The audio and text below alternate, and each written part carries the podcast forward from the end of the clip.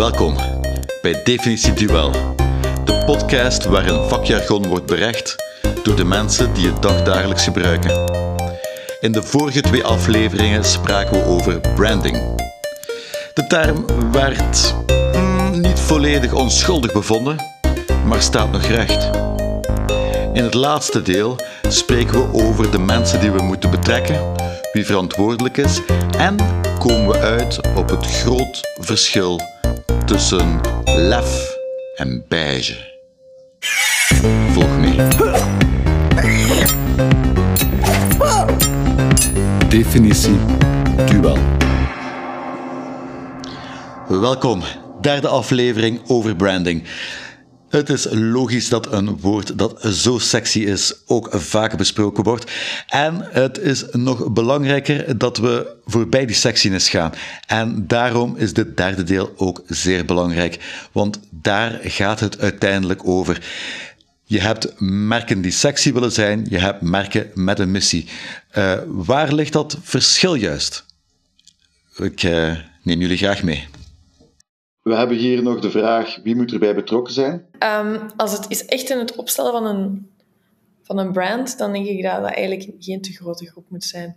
Uh, natuurlijk moet je je klanten bevragen en zo, maar um, als je met een te grote groep een brand gaat opstellen, dan gaat dat altijd een heel platte pannenkoek uh, van een brand worden. Uh, wie, wie, wie leidt een brand en wie moet geraadpleegd worden? is, is een belangrijk verschil. Nee, maar allee, het, is ook, het is ook om de conversatie interessant, want allee, hetgeen waar ik vroeger zo allergisch aan was, wij, wij riskeren hier ook, als we zeggen, ja, iedereen moet betrokken zijn, dat staat hetgeen waar ik ook altijd allergisch aan was, van ja, oké, iedereen moet bevraagd worden, of je moet wel weten wat je klanten willen, maar wie gaat er echt verantwoordelijk zijn voor branding? Dat is heel beperkt voor mij. Ik kan daar, ik kan daar zeker, zeker in volgen, Julie. Um, ik, ik, ik, denk dat ja, echt in de brede zin iedereen zou moeten betrokken zijn in die oefening, omdat ik vind dat dat gewoon te weinig gebeurt. En dat het te veel, gebeurt vanuit een soort C-level standpunt en zo. Maar als het echt gaat over uh, een, een, definitie maken, of, of toch de, de aanzet daar rond gaan creëren, ja, dan moet je misschien wel vanuit die kern uh, gaan werken en gewoon attent zijn voor al die dingen daarom omheen. Zijn de personeel in, in alle, niveau, alle niveaus en alle lagen van een bedrijf maar ook natuurlijk ja, de mensen die je probeert te bereiken uh, in, in, de buitenwereld. Uh, of partners, uh, dat kan ook natuurlijk, afhankelijk of dat je B2B of B2C bent. Volledig akkoord daarmee. Op een gegeven moment moeten er beslissingen gemaakt worden. Client-facing people. En dan hebben we het over ja, sales, marketing, business leaders enzovoort. die, die zouden eigenlijk toch minstens in die kerngroep aanwezig moeten zijn. Verantwoordelijk en geraadpleegd het onderscheid waar jullie het over hebben. Ik denk altijd als je uh, je klanten van IKEA allemaal raadpleegt, dan zou je ook niet meer dat doolhof hebben, maar dan zou dat businessmodel ook niet meer werken. Dus altijd de vraag, wat doe je met die info? Als, als we kijken naar waarmee helpt het, hebben we misschien ook kapstokjes nodig. Ja, het is allemaal een beetje interpreteerbaar. Hè? Waarmee helpt het? Je zou kunnen zeggen, inderdaad, dit soort projecten. Het helpt bij je marketing, het helpt bij je uh, recruiting enzovoort. Je zou het eigenlijk zo kunnen interpreteren, maar ik denk dat Christophe en ik het meer hebben geïnterpreteerd als uh, um, wat is het een soort van overkoepelend eindresultaat.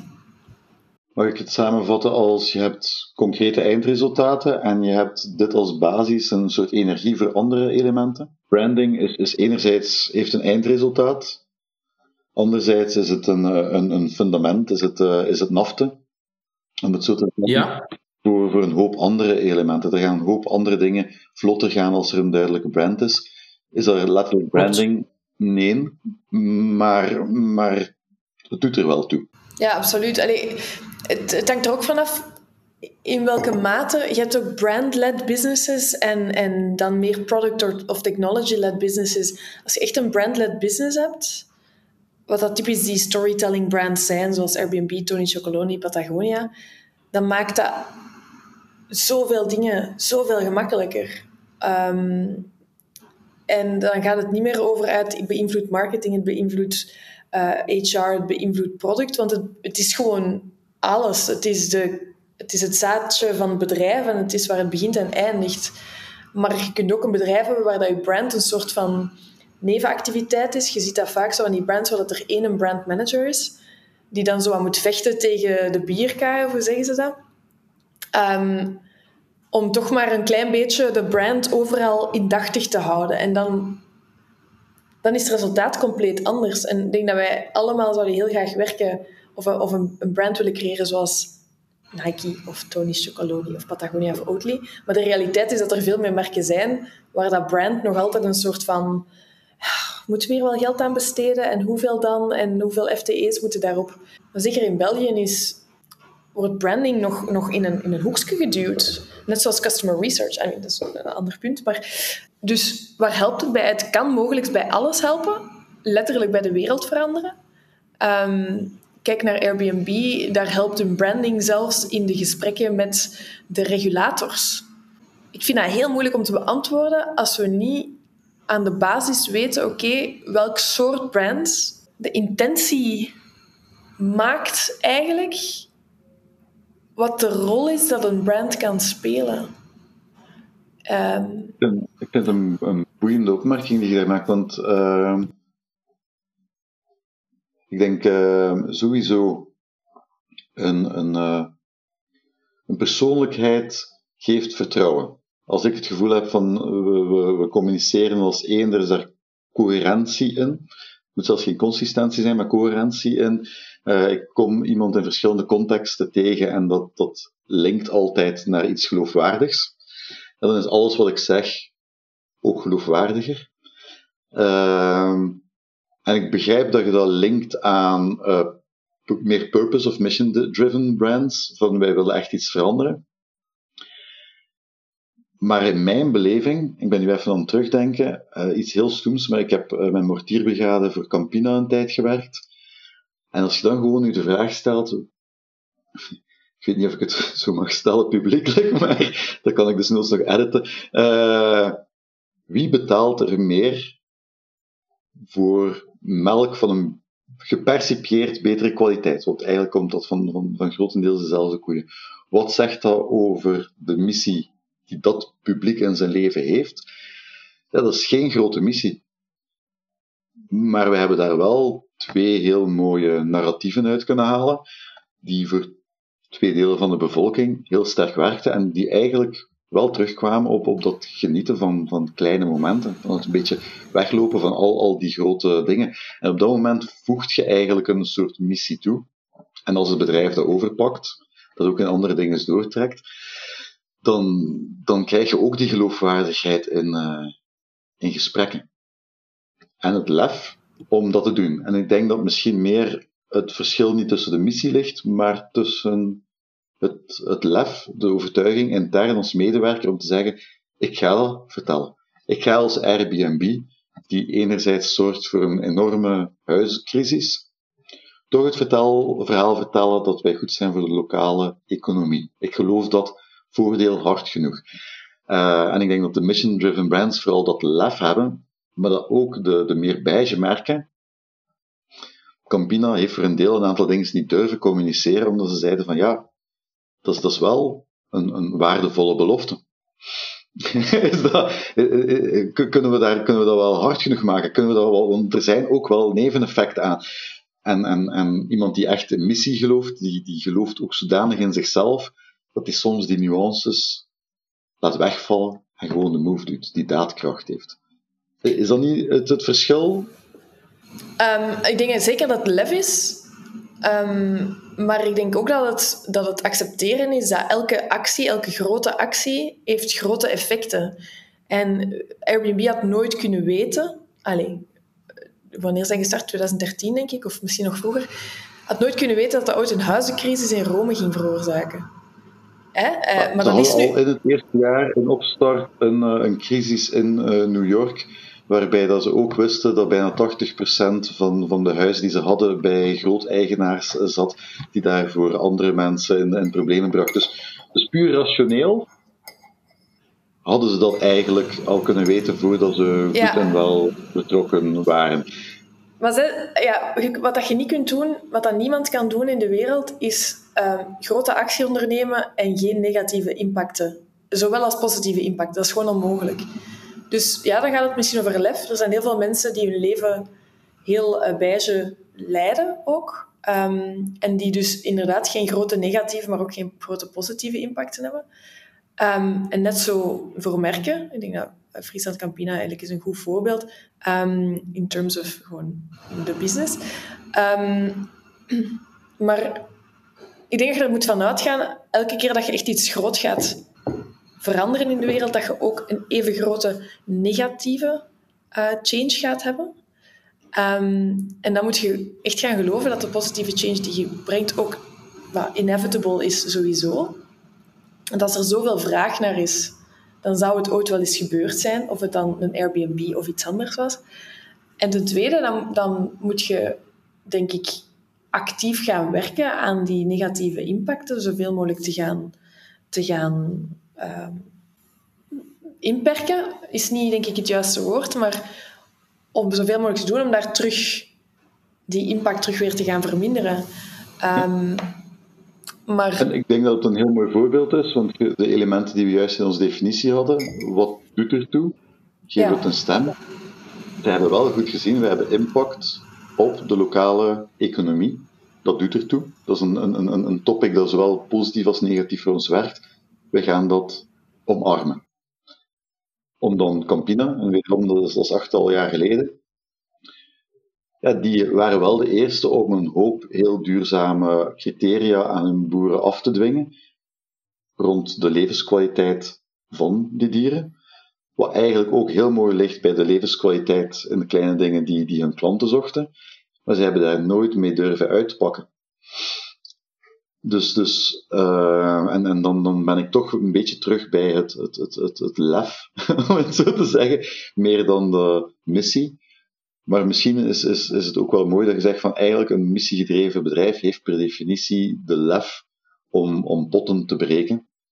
Uh, maar ik ken geen enkel bedrijf dat niet ergens een gevoel heeft dat ze een bepaald iets doen in de wereld. Uh, en, en daarbij een geloof hebben. Uh zeg je nu, geen, geen enkel bedrijf dat zo geen gemeenschappelijke missie heeft. Hè? Dus, dus voorbij, um, we, maken, we maken enkel profit. Dus dat, die, dat er geen enkel bedrijf is dat, dat op die manier denkt? Of? Ik denk dat het niet geëxpliciteerd wordt altijd. Dat is, dat is heel veel bij de bedrijven waar ik kom, in veranderingsmomenten, is dat meestal het, het issue. Maar als je het niet expliciteert binnen het bedrijf, dan loop je er toch tegenop, want het zit ergens. Bij een standaard boekhandel het gemak van overal boeken dichtbij te hebben. Dat leeft in heel dat bedrijf. Er zitten een aantal uh, ja, problemen met het updaten van die definitie, maar dat was niet gewoon wij gaan boeken verschassen. Uh, de, heel veel mensen hadden echt wel een zeer grote liefde voor geletterdheid, op welke manier dan ook, uh, die, die heel cruciaal zat, waarbij dat, dat menselijk contact, waarbij dat toegankelijke uh, heel aanwezig was, wat eigenlijk een zeer mooie missie is. Maar niemand gaat hun als een missiegedreven bedrijf zien, omdat dat een beetje weggesneeuwd was onder de daily business. Dat wil niet zeggen dat er niet is. En meestal is dat deel van, van het herpositioneringsverhaal.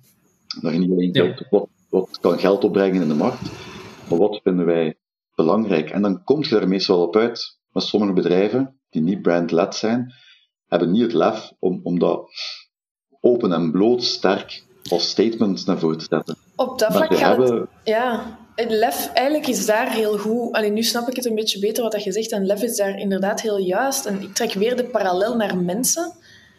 We hebben allemaal wel dingen die we diep voelen in ons hart, in onze ziel, dat belangrijk zijn. Eh, dat echt super belangrijk zijn. Maar er zijn altijd heel weinig die er echt luid op vooruit komen, want dat zijn dingen die afwijken van de norm, die soms taboe zijn. Hetzelfde met die merken. Van zodra dat je een heel duidelijk statement maakt, ik kan voor mijn eigen personal brand spreken, ik ben nu aan het herpositioneren naar enkel meaningful marketing, want er is heel veel bullshit marketing in de wereld.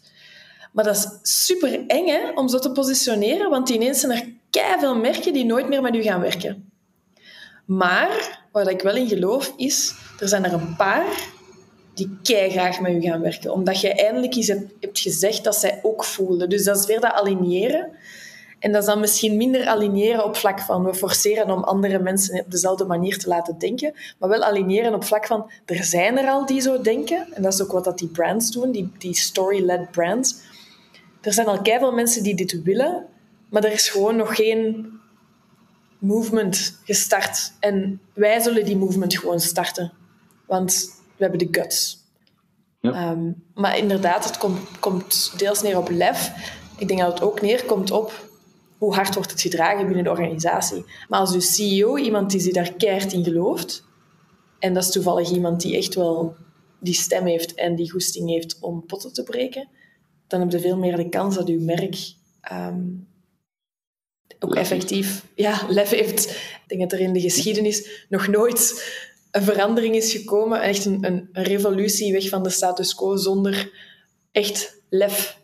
Ehm, ik denk meteen aan Rosa Parks, die op de bus zei: Nee, ik ga hier zitten. Uh, slip me er maar af.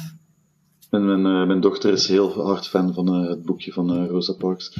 Maar ja, ik, ik denk dat je raakt daar een, een, een teerpunt van op iets te mikken en andere elementen niet. Ehm, ik zelf geloof dat verandering continu is. En ik geloof dat elk bedrijf ergens gestart is vanuit een idee van een waarde te creëren. Als je geen waarde creëert, kun, je er ook niet voor factureren.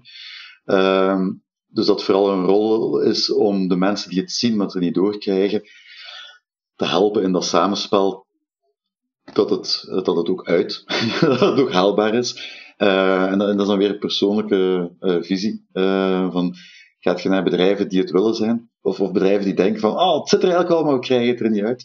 Maar, we zijn uh, zeker gealigneerd op het basisprincipe.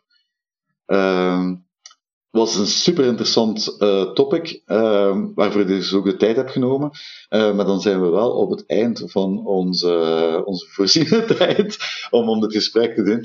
Ehm, en gezien dat Christophe al even aan het knikken is, uh, denk ik dat hij misschien ook nog, uh, nog iets wilt, wilt uh, meegeven voordat we afsluiten. Ja, nee, ik, ik, ik ben ehm, eigenlijk gewoon hey, akkoord. eigenlijk heel de discussie over lef, zeer interessante discussie, dat een, een volledige aflevering op zich zou kunnen worden, denk ik. waar ik vooral zelf aan, aan, aan moet denken, als het gaat over lef, dat is iets dat zich zou kunnen uiten in branding. dat zou zeker iets kunnen zijn waar dat, bedrijven voor kiezen. Uh, maar ja, voor mij is het eigenlijk gewoon een basiswaarde van ondernemen. Hè. Je, kan inderdaad een, een, een, zeer eh, grijze of beige of grijze onderneming hebben, hè, of, of, of, dat op die manier leiden. Hè. Maar als je echt wilt gaan ondernemen, en ik denk dat, we, dat wij dat allemaal herkennen, omdat we allemaal ondernemers zijn in zekere zin, dan moet je durven innoveren hè, of, of durven lef hebben om bepaalde dingen te doen of een bepaald uh, terecht te kiezen. En, uh, en in branding kan zich dat zeker, uh, zeker heel expliciet gaan, gaan uiten. Um, en ik denk dat er ook gewoon een, een, een, hele mooie brug te slaan is tussen branding en inno innovatie. Want we hebben het heel vaak gehad over toekomstgericht denken. En, en als we het dan hebben inderdaad over change en al, al die soort zaken. ik denk dat daar ook nog, nog heel wat over te, te valt te zeggen. Um, maar voilà, ik ga het toch hier uh, bij houden, hè, dat we inderdaad een beetje binnen de perken blijven. Ik vind het een, een, mooie afsluiter. Ik ga, ik, ga, ik ga nog een worp doen naar een, een conclusie uit het laatste stuk. Willen we eigenlijk zeggen, de, de mensen, de leiders die het lef hebben om hun bedrijf steeds weer opnieuw relevant te maken, die zullen ook een, een goede brand kunnen bouwen. En degenen die niet de moed ervoor hebben, die betalen tax in een mooi afleidingsmanoeuvre en een uh, nutteloze rebrand. mooie, ik vind het eigenlijk heel mooi uh, samengevat. Ja, je doet dat heel goed. Ik, uh, alles ja, approved. Oké. Dus als we heel deze podcast herleiden tot de laatste 10 minuten, is iedereen nog tevreden? Dat is dan het einde. Ik ben zeer blij dat we dit gesprek hebben. Ik geloof er heel sterk in dat goed werk veelal een goed deel onsexy werk is. Uh, dat voortkomt uit nuances, dialogen en gewoon dagdagelijks weten. Ik denk dat dat vandaag ook de conclusie hier is. Heb jij het gevoel dat je meer bezig bent met tijdelijk oplapwerk in de plaats van duurzaam samenspel? Contacteer dan Vliegwiel, we helpen je daar graag bij. Heb je eerder nood aan een helder verhaal dat je kan uitdragen, dan is het duidelijk dat je bij Julie van Storyflow moet zijn en Christophe van Every Wednesday help je graag nadenken hoe jouw verhaal, jouw pijlers kunnen vertaald worden in assets die bruikbaar zijn over de hele lijn. Dan dank ik nog graag de deelnemers. Oké, okay, dankjewel. dankjewel. Dat was heel leuk. Bye bye, dankjewel. Leerrijk. Ook Han Bossier voor de muziek. Volgende week zijn we terug met een aflevering over digitale transformatie. We hebben twee nieuwe advocaten, een socioloog en een ICT-architect. En bent u benieuwd wat zij erover gaan zeggen? Ga dan nu naar de podcast, abonneer en wees er volgende week als eerste bij. Dankjewel, veel plezier en veel lef in je werk gewenst. Tot volgende week.